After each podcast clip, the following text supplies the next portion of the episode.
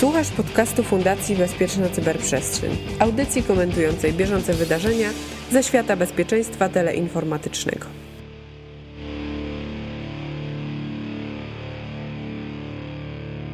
Halo, halo, tu mówi Warszawa w podcaście Fundacji Bezpieczna Cyberprzestrzeń CyberCyber. Cyber. Moimi gośćmi Maciej Pyznar i Marcin Frączak. Witam Was serdecznie. Dzień dobry. No to tak, może teraz z innej beczki. O czym byśmy dzisiaj chcieli porozmawiać? Pogodzie.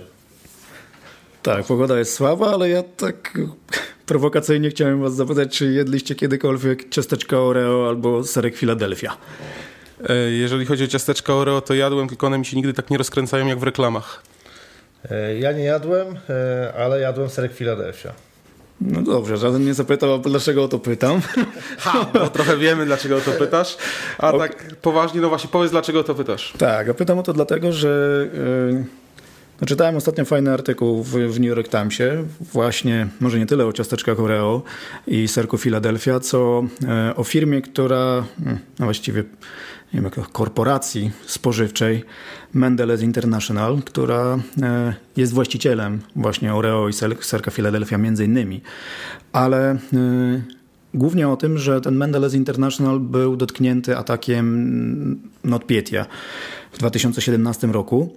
I uwaga, teraz ten Mendelez sądzi się z niejakim Zurich Inter Insurance E, o to, że ten Zurich Insurance nie chce wypłacić mu odszkodowania za, e, za ten atak. I to mniej więcej wygląda tak, że e, koledzy z Mendelez International byli ubezpieczeni właśnie w Zurich Insurance od ataków teleinformatycznych. No i po tym ataku teleinformatycznym okazało się, że stracili, no tak, według artykułu i sprawy sądowej 1700 serwerów i 24 tysiące laptopów, no, a pracownicy nie mogli się w, w, żaden sposób komunikować i pracować. I w związku z tym straty ocenili na, na 100 milionów dolarów, no, a koledzy z e, Zurich Insurance nie chcą im wypłacić, uwaga, powołując się na wykluczenie z powodu wojny.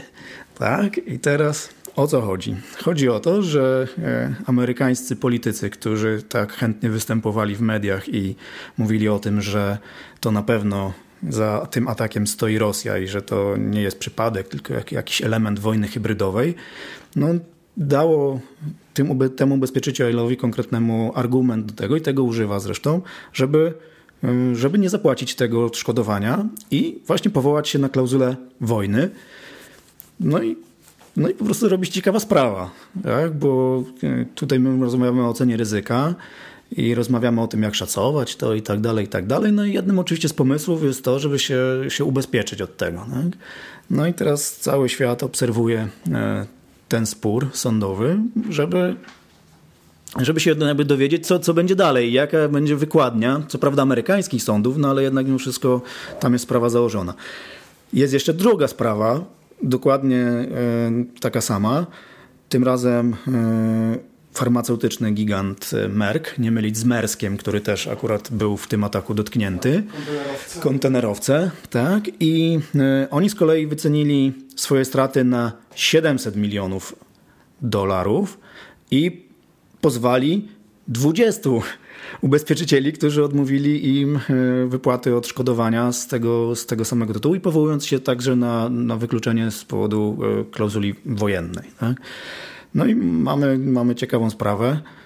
W kontekście naszych rozmów wcześniejszych o właśnie ryzyko i tak dalej, no to wydaje się być to ciekawe. No i co wy na to? Znaczy, ja zacznę, bo potem już będzie bardziej merytorycznie, trochę mniej merytorycznie, ale, ale jednak też merytorycznie, bo rzeczywiście jest to jedna z metod przenoszenia ryzyka, tak? Rzeczywiście tutaj mieliśmy do czynienia z tym transferem ryzyka na ubezpieczyciela i to jest dość powszechne w firmach i stosowane bardzo często.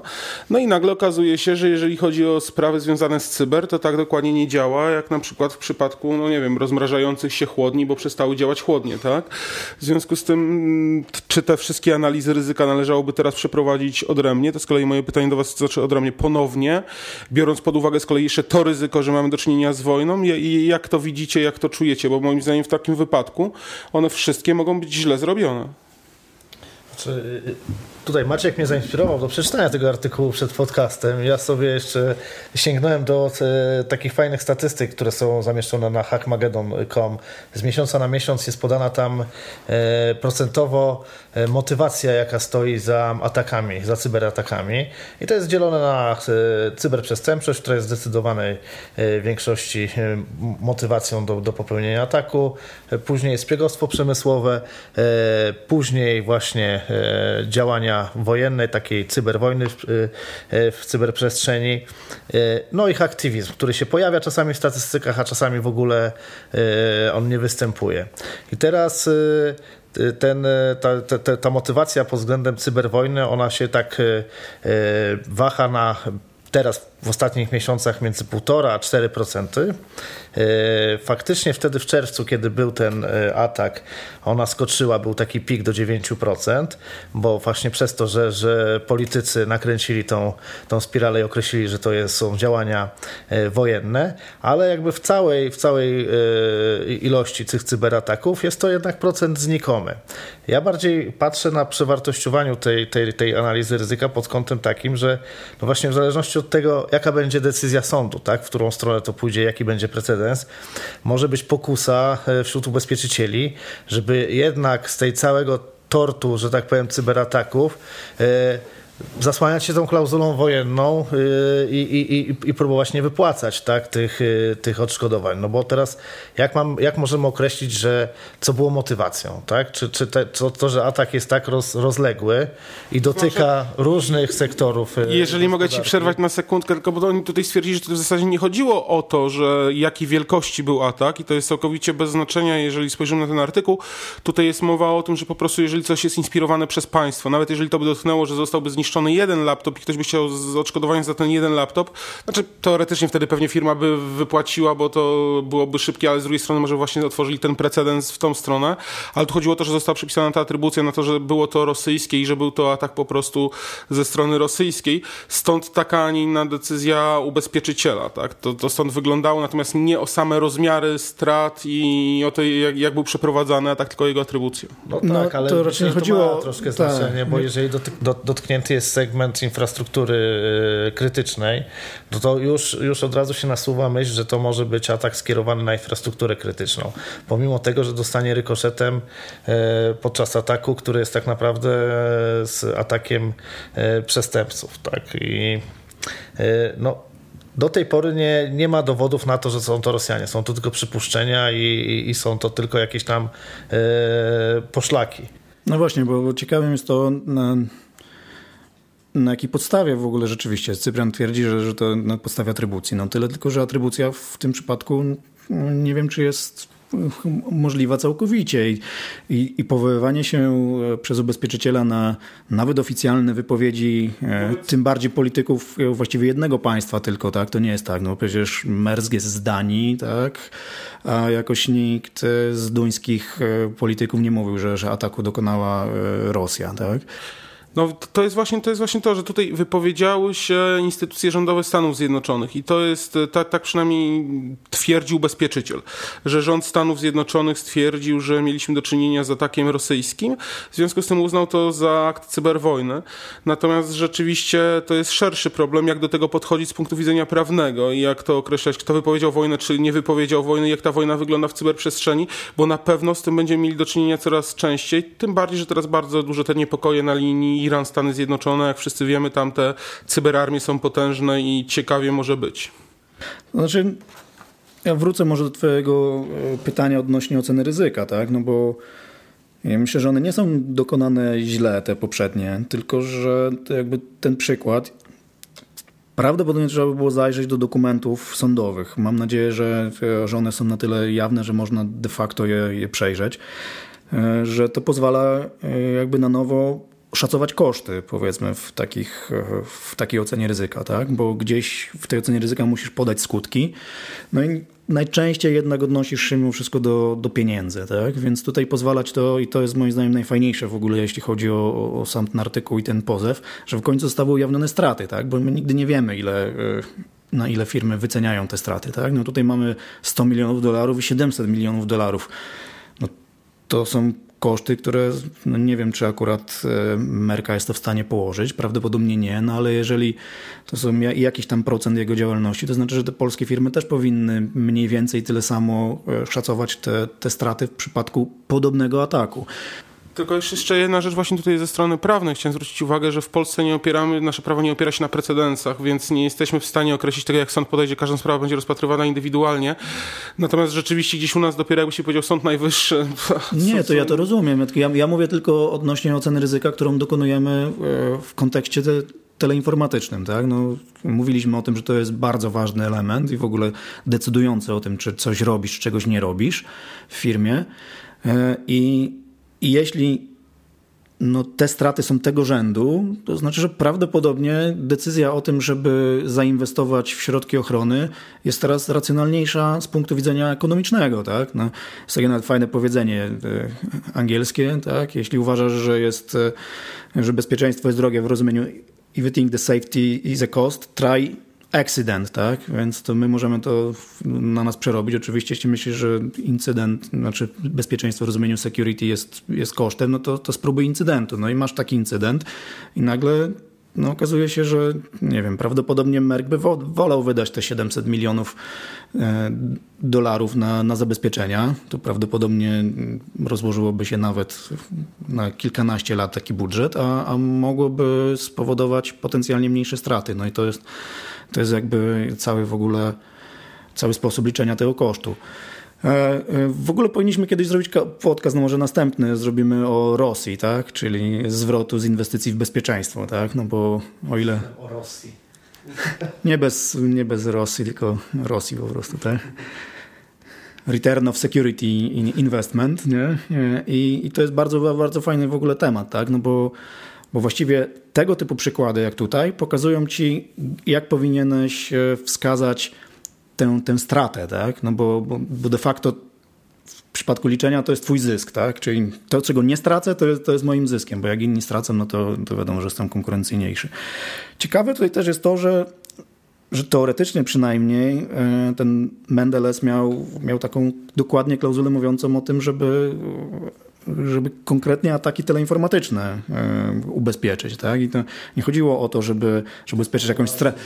Tak, przez złośliwe programowanie. To nie, nie chodziło o to, że tam jakaś utrata danych, czy tam jakiś wyciek, czy coś, tylko konkretnie właśnie działania tego typu. No i ransomware chyba można zaliczyć do tego, że oczywiście jest to e, wpływ na dane, tyle tylko, że w wyniku właśnie działania złośliwego oprogramowania. I, no i właśnie jestem ciekawy, jak to, jak to pójdzie. A, a sprawa wojny to w ogóle jest następny ciekawy temat i nie wiem, czy, czy w ogóle e, jesteśmy tymi, którzy powinni o tym dyskutować. Tak? Ja myślę, że jesteśmy w ogóle takimi świadkami punktu zwrotnego zarówno w podejściu do ubezpieczenia, do, do cyberubezpieczeń, jak i też e, ubezpieczycieli, którzy pewne, e, pewne ubezpieczenia szacowali e, przed tym, przed, przed tym. Tak, tak, tak, tak. Nie wiedzieli, że to może być e, taka skala, bo też przejrzałem sobie ofertę. No właśnie, ja chciałem zapytać, czy, czy patrzyliście może na ten, bo jakoś nie, nie zdążyłem. Ja, ja tak szybko przejrzałem ofertę krajowych ubezpieczycieli i, i, nie tylko, bo pojawiło się dużo podmiotów, które się specjalizują właśnie e, zarówno w, głównie na bazie RODO, tak, żeby, żeby ubezpieczać te firmy przed znaczy nie przed wyciekiem, ale jakby już w wypadku wycieku danych osobowych, ale też e, przejrzałem sobie jak właśnie e, ich ofertę i jak kalkulują pewne kwestie dotyczące takich strat. I, i nawet utracone korzyści są uwzględnione przy w przypadku właśnie pewnie y, nie samej utraty danych, ale w przypadku właśnie niedostępności takich systemów. Ale co ciekawe, wiele firm też proponuje e, wsparcie albo w ogóle przejmują na siebie e, zarządzanie później taką sytuacją kryzysową w razie wystąpienia incydentu. E, I to jest dla mnie ciekawe w, w kontekście takim, jeżeli firma ma kilku, kilkunastu klientów, duże, duże podmioty, które są podczas takiego rozległego ataku dotknięte takim incydentem, to do kogo jadą yy, pierwsi, tak? No bo wiemy, że usuwanie skutków Wiadomo, incydentów... to, kto więcej zapłaci. no tak, usuwanie skutków incydentów może potrwać kilka miesięcy. Odzyskiwanie danych, y, odzyskiwanie dostępności, liczenie tego. No i teraz, czy, czy, czy firmy faktycznie posiadają takie zasoby, żeby to, to, to realnie wykonać? To znaczy, ja teraz wam powiem taki ciekawy, myślę, case, jeżeli właśnie chodzi o rzeczywiście to wyliczanie tego, do kogo pierwszego podjechać, to mm, inspektorzy ochrony danych będą wiedzieli, o czym mówię. Jest taki specyficzny model, zresztą przygotowany przez Anisę dużo wcześniej niż RODO, na temat wyliczania wagi danego incydentu i być może wtedy te firmy ubezpieczeniowe, załóżmy, które też oferują tego rodzaju usługi, na stwierdzenie, którym zajmowały się pierwszym, na przykład dochodząc przed sądem, mogłyby przedstawić tego rodzaju dokument, że jest to ważniejsze, ponieważ mieliśmy do czynienia z infrastrukturą krytyczną i samo zagrożenie, załóżmy, jest ważniejsze, że musieliśmy być pierwsi w tym momencie, chociaż oczywiście no, jest to umowa, w związku z tym powinniśmy się wypełniać ją zgodnie z tym obiecaliśmy, więc powinniśmy to dotrzymać, no ale gdzieś tam na pewno też byłby to jakiś e, skutek łagodzący, jeżeli by dochodziło do tego typu spraw przed sądami. Dlatego to tylko tak w ramach ciekawostki, że rzeczywiście coś takiego istnieje, samo wyliczanie tej wagi i to jest, to, to jest ważne i to myślę, że też będzie częściej stosowane. Ciekawe tylko jak to w praktyce zastosować, bo... Znaczy nie, mam, mam na myśli to, że informacja o tym, że jesteś infrastrukturą krytyczną jest informacją niejawną. No, wiem, bo sam w wykazie umieszczałem te informacje. No i teraz e, jak się posłużyć e, tą informacją skutecznie w, w kontakcie z ubezpieczycielem czy, czy z kimkolwiek innym. Ale myślę, że no zasadniczo pojawi się problem dla firm ubezpieczeniowych albo dla tych, którzy oferują tego typu usługi wsparcia, bo, bo wiem, że nie wiem, no, kancelarie prawne albo inne też oferują tego typu wsparcie dla klientów. Przede wszystkim w kontekście RODO oczywiście, tak, tak jak mówiłeś. No bo jeżeli takim będzie rozległy atak, który kilka wielkich firm zaatakuje, znaczy dotknie, no to, to właściwie wysyci wszystkich tych, z którymi współpracują te kancelarie prawne, ewentualnie ubezpieczyciele. No bo trudno, żeby było inaczej, bo ten rynek jest jaki jest i to, to wiemy. E, więc teraz e, ja będę tutaj sobie śledził e, to postępowanie sądowe. Prawdopodobnie nie będę czytał dokumentów, tylko będę się posługiwał tym, żeby przeczytać od czasu do czasu New York Times albo któryś z tych amerykańskich gazet, które jakby ich zadaniem jest żeby czytać to i, i, i, informować nas o tych, bo to będzie jakby ciekawe również z naszego punktu widzenia na, na naszym lokalnym rynku. Tak? Ustawa o Krajowym Systemie Cyberbezpieczeństwa już wywołała ferment, w cudzysłowie oczywiście, na, na rynku, że wszyscy zaczęli się tym interesować. E, coraz więcej firm jakby myśli o tym, musi spełnić obowiązki i tak dalej, więc no naturalnym jest, że po tych wszystkich krokach, o których mówiliśmy wcześniej, czyli ocenie ryzyka i tak dalej, szacowaniu, pojawi się jakby szukanie sposobu na to, jak sobie z tym radzić. Tak? A to oznacza, że, że prawdopodobnie prędzej czy później dojdą, pewnie szybciej niż, niż później, dojdą do wniosku, a może się ubezpieczmy w takim układzie i przetransferujmy to ryzyko na, na ubezpieczyciela. Tak? No i tu się pojawi, mm, no może nie problem, ale pewnie ofert jest dużo, tak? wybierzemy coś tam i jesteśmy teoretycznie spokojni, tak? ale praktyka pokaże, że, że, że nie. I dopiero wtedy, jak, jak coś się stanie, oby się nie stało, więc, więc zobaczymy, jak, jak to będzie jak to będzie wyglądać. Myślę, że ten sektor jest jeszcze dosyć niedojrzały, że to pojawiły się taka potrzeba wśród firm, żeby się ubezpieczać, ale też ubezpieczyciele no, nie do końca jeszcze wiedzą, jak się poruszać w tym, w tym obszarze i jak te ryzyka wyliczać, ale myślę, że im bardziej dojrzalszy będzie ten sektor i ludzie będą bardziej świadomi po jednej i po drugiej stronie tych ryzyk, więc takie regulacje tak naprawdę to będzie też i spełnienie wymagań tych regulacji, to będzie idealny wsad dla ubezpieczycieli ubezpieczycieli, tak jak ubezpieczenie samochodu, tak? Będzie odhaczał sobie... Nie, no świetnie, tylko tyle, że z ubezpieczeniami samochodów po prostu bazujemy na statystykach, tak? Rocznie mamy tyle i tyle wypadków, więc mamy wszystkie dane historyczne. Jeżeli tutaj będziemy gromadzić dane historyczne, to znaczy, że będziemy mieli x y, incydentów, zdarzeń, ataków teleinformatycznych i tak dalej, a, a właściwie ciągle nie wiemy, y, kto właściwie za tym stoi, tak? Na dobrą sprawę. To znaczy, jedna rzecz, że źli ludzie. Ja myślę, no poza tym, że źli ludzie to jest oczywiste, ale jedna rzecz, nie do końca się zgodzę z tym, że te bazują na statystykach, bo to na przykład bazują też na pojemności silnika, tak? Więc rzeczywiście y, pewnie ma to związek z tym, że ta pojemność silnika jest większa, w związku z tym tych wypadków tych samochodów jest więcej. Prawdopodobnie być może to tak wygląda, ale jednak myślę, że tutaj też można pokusić się o jakiś taryfikator i żeby to jakoś wyglądało w zakładach ubezpieczeń. No, wielka praca przede wszystkim. Wszyscy, na razie firmy ubezpieczeniowe zauważyły potrzebę rynku, w związku z tym zaczynają tworzyć różnego rodzaju programy, które jak się okazuje potem mogą okazać się bardzo niekorzystne dla tych firm ubezpieczeniowych i nagle to one będą miały problem, no i powołują się na tego rodzaju klauzule, jak, jak w tym wypadku. No ale zobaczymy, to jest, to jest wszystko przed nami, jesteśmy w powijakach, na pewno jest to bardzo interesujące i zresztą jest wiele tych konferencji, na których firmy ubezpieczeniowe mówią o swoich y, ofertach, o swoich pakietach. co z tego wyjdzie. Ja szczerze mówiąc nie wiem, myślę, że właśnie dopiero pierwszy incydent y, u nas z kolei pokaże to, w jaki sposób to działa na naszym rynku i jak wygląda. No pytanie, czy e, nie wiem, polski przedsiębiorca, który zajmuje się ubezpieczeniami, czyli e, dostarcza takich ubezpieczeń, jest w stanie powołać się na, e, na słowa in, rządu innego państwa, tak? No bo tutaj akurat sprawy toczą się w Stanach Zjednoczonych. Jedna przed sądem w Illinois, a druga w New Jersey, więc ciekawy właśnie jest case taki, gdzie by powołać się na, na słowa polityków z innego kraju, tak? No bo tutaj akurat jest dość to no, no proste, tak? To nasi, że tak powiem, politycy i ludzie odpowiedzialni za bezpieczeństwo mówili, że to za tym stoi Rosja, w związku z tym no, łatwo się jakby na to powołać. No, aczkolwiek zdaje się, że w Polsce też coś takiego było. Przepraszam, teraz sobie dopiero przypomniałem, że, yy, że ktoś się powoływał na chyba jedna z trzyliterowych agencji raz się powołała na to, że, że, że Amerykanie e, powiedzieli Departament Stanu, żeby coś robić i, i oni w związku z tym też nie, nie dali na coś zgody, ale dobra, to nie... nie Mówię, tajne informacje zdradzasz. Nie, się nie zdradza chyba tajnej informacji, chociaż nie, może nie. nie. Ja, ja też przeczytałem sobie jakieś e, przypadki e, wypłat e, właśnie z takich cyberubezpieczeń i faktycznie jeżeli są atakowane tylko pojedyncze firmy, te ataki nie są rozległe albo te wycieki danych po prostu dotyczą e, jednej firmy. Sprawa jest dosyć prosta i te odszkodowania są wypłacane. Marriott po tym e, słynnym wycieku danych otrzymał 25 milionów odszkodowania, e, sprawa zamknięta. Myślę, że tu case'em dla właśnie ubezpieczycieli jest rozległość tego, tego ataku i mają wtedy problem po prostu, tak jakby, z, no nie wiem, tak jak jest tu wspomniane w tym artykule, tak, że pożar, nie ubezpiecza się budynku w tym samym rejonie od pożaru, bo jeżeli pożar będzie rozległy, no to będziemy mieli kłopot, tak. Tutaj nie jesteś w stanie oszacować, jakie będą straty, już ta, ta przestrzeń nie ma znaczenia. To może być yy, yy, zainfekowanych, może być yy, firmy, które są oddalone od siebie no tak, tutaj w ogóle była mowa o tym, że, że zostały zainfekowane te serwery no, od Kapsztadu po, po, po Stany Zjednoczone, więc właściwie na całym świecie. No.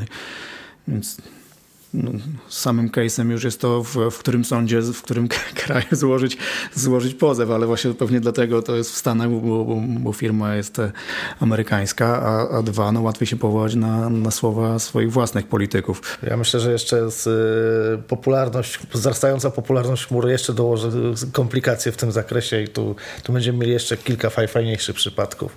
Tak, a na pewno ten, pracujący w, w ONZ-cie mędrcy będą musieli się zastanowić, nad tym, jak, jak uregulować prawo konfliktów e, w cyberprzestrzeni. Tak?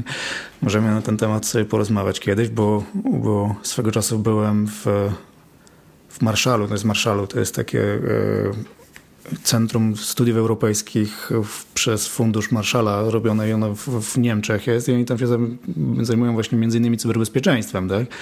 I, I tam był właśnie taki jeden gościu, który bardzo ciekawy e, tezy właściwie głosił, bo mówił właśnie o oprawie konfliktów zbrojnych w cyberprzestrzeni, tak? więc on nawet e, dość taką, nie wiem, czy kontrowersyjną tezę, ale mówił, żeby, żeby był obowiązek rozpoczynania konfliktów w cyberprzestrzeni, zanim się zacznie do siebie strzelać rakietami e, kinetycznymi, normalnymi, fizycznymi. Tak? No, Tutaj trzeba dodać to, że Stany Zjednoczone rzeczywiście też mają wpisane swoją doktrynę obronną to, że mogą odpowiedzieć kinetycznie na atak cyber i to też jest ciekawostka, no ale mówię, to, to musimy jeszcze chwilę się wstrzymać, a na pewno nie w tym podcaście, ponieważ kończymy, także czas, czas nam upłynął naszego podcastu.